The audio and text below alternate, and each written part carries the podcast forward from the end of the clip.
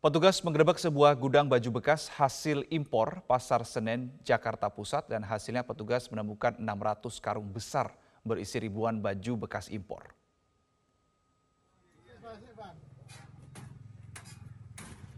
Inilah pembongkaran gudang pakaian bekas impor yang berlokasi di kawasan Senen, Jakarta. Di dalam gudang dua lantai ini petugas menghentikan kegiatan sejumlah orang yang tengah menyortir pakaian bekas dari dalam karung. Gudang milik seseorang berinisial T ini yang disewakan kepada seseorang berinisial P. Kini gudang ini dipasangi garis polisi dan digembok. Menurut warga sekitar, gudang pakaian bekas impor itu telah beroperasi satu tahun terakhir. Selain sebagai tempat penyimpanan, lokasi itu juga dijadikan sebagai tempat pembelian dalam jumlah besar oleh para pedagang eceran.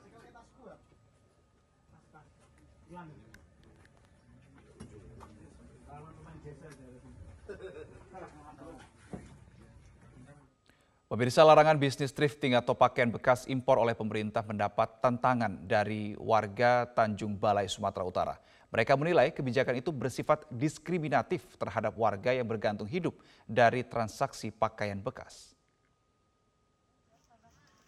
Kebijakan pemerintah yang melarang impor pakaian bekas membuat para pedagang pakaian bekas impor di Tanjung Balai, Sumatera Utara kecewa. Para pedagang menentang kebijakan itu lantaran mematikan usaha mereka yang telah berlangsung selama puluhan tahun. Bagi para pedagang, kota Tanjung Balai merupakan pusat penjualan pakaian bekas impor dari Malaysia yang terjangkau oleh warga miskin. Dengan larangan itu, dianggap akan menyusahkan pedagang kecil dan warga miskin.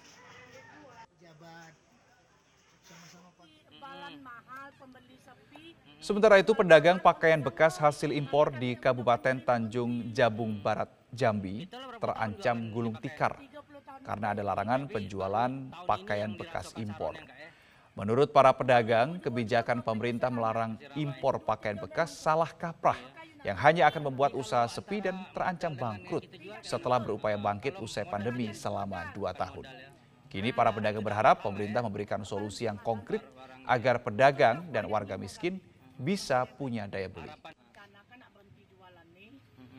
Tapi kan Ayu kan mau ngabiskan barang nih, biar barangnya habis.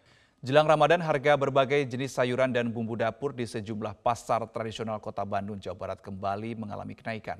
Seperti di pasar tradisional Kosambi, pemirsa Kota Bandung, Jawa Barat, jenis sayuran dan bumbu yang mengalami kenaikan adalah cabai rawit, tomat, kentang, serta bawang putih. Harga cabai rawit merah yang sebelumnya Rp80.000 kini naik Rp10.000 menjadi Rp90.000 per kilogram, sedangkan harga tomat yang sebelumnya Rp10.000 naik menjadi Rp11.000 per kilogram. Sementara kentang dari semula Rp17.000 menjadi Rp18.000 per kilogram.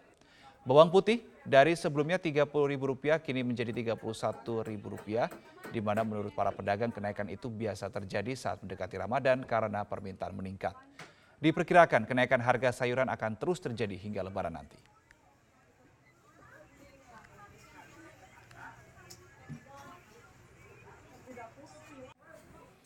Sementara itu Kementerian Pertanian terus menggenjot produksi padi nasional lewat panen raya. Di Kabupaten Banyuasin, Sumatera Selatan, produksi padi mampu mencapai 7,2 ton per tahunnya.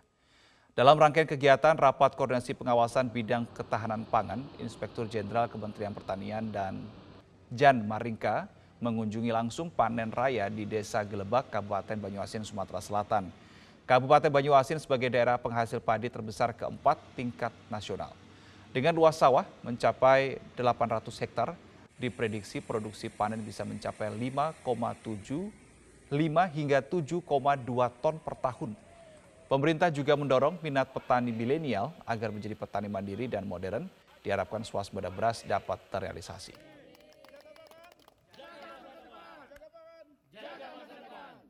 Hasilnya sudah nyata. Kemarin eh, katakanlah dengan jumlah luas lahan tanam yang masih terbatas, sudah ada hasil yang katakanlah mencapai lebih dari 2,7 juta ton. Nah ini menjadikan eh, Banyuasin terbesar keempat di Indonesia. Nah tentunya kita harapkan ini bisa kita lanjutkan dan apa yang eh, kurang akan menjadi kita Kepala Badan Pertanahan Nasional Jakarta Timur, Sudarman Harja Saputra bersama istrinya mendatangi kantor KPK untuk klarifikasi harta kekayaan. Sudarman diminta melakukan klarifikasi laporan harta kekayaan ke KPK. Jika dilihat dari data LHKPN 2021, pemirsa Sudarman ini punya harta sebesar 14,7 miliar rupiah yang didominasi lewat aset berupa tanah dan bangunan.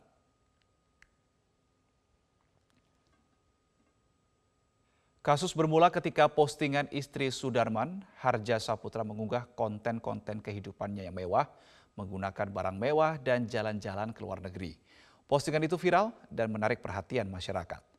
KPK meminta Sudarman untuk mempertanggungjawabkan harta miliknya apakah sesuai dengan yang tercatat di LHKPN atau tidak, dan apakah sesuai dengan pendapatannya sebagai pejabat BPN.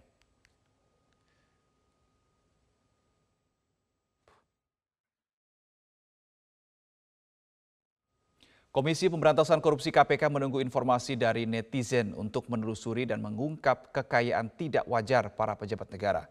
Wakil Ketua KPK Alexander Marwata pernah meminta media dan masyarakat bekerja sama mengungkap aset milik pejabat negara lain dan tidak berhenti pada kasus ex pejabat pajak Rafael Alun Trisambodo.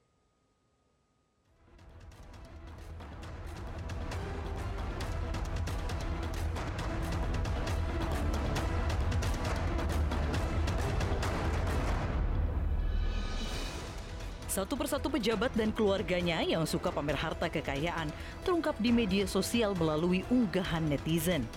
Bahkan, fenomena pamer harta kekayaan keluarga pejabat membuat Komisi Pemberantasan Korupsi KPK sekaligus meminta bantuan netizen untuk terus menelusuri dan mengungkap kekayaan tidak wajar para pejabat negara.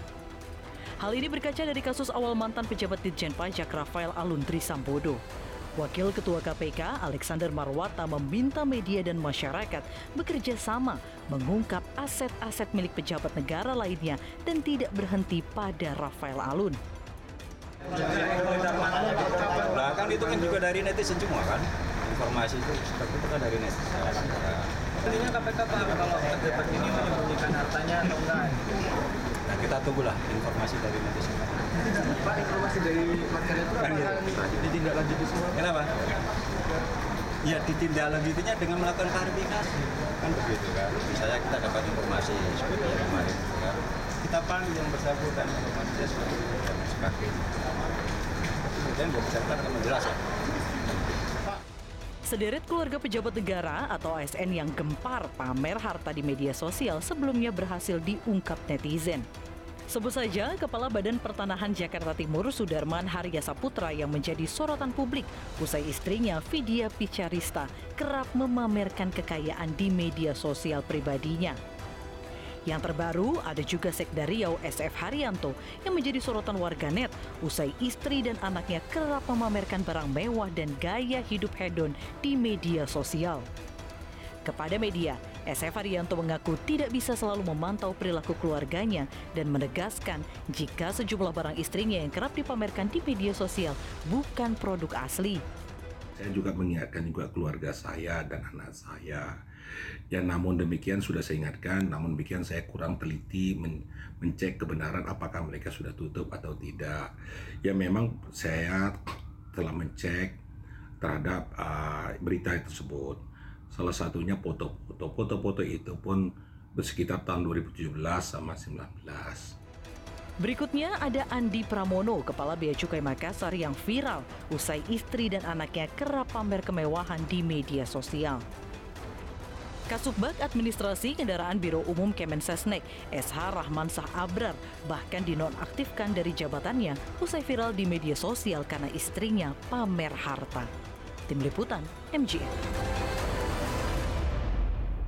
Komisi 3 DPR berencana memanggil Menteri Keuangan dalam rapat dengar pendapat di Komisi 3 DPR. Pemanggilan itu untuk meminta klarifikasi terkait dugaan tindak pidana pencucian uang yang terjadi di lingkup tupoksi Kemenkyu. Wakil Ketua Komisi 3 DPR RI Ahmad Sarhoni usai memimpin rapat dengar pendapat dengan Kepala PPATK menyampaikan bahwa DPR akan mengundang Menteri Keuangan Sri Mulyani untuk mendalami transaksi janggal yang terjadi di lingkup tupoksi Kementerian Keuangan. RDP dengan Menkyu rencananya akan dilaksanakan hari Rabu 29 Maret 2023. Selain Menkyu, pihak lain yang juga turut diundang ialah Menko Polhukam Mahfud MD dan Kepala PPATK Ivan Yustia Vandana. Saroni mengatakan RDP bersama dengan tiga pimpinan kementerian lembaga ini diharapkan akan menjernihkan persoalan dengan TPPU 349 triliun rupiah yang memicu kegaduhan di masyarakat.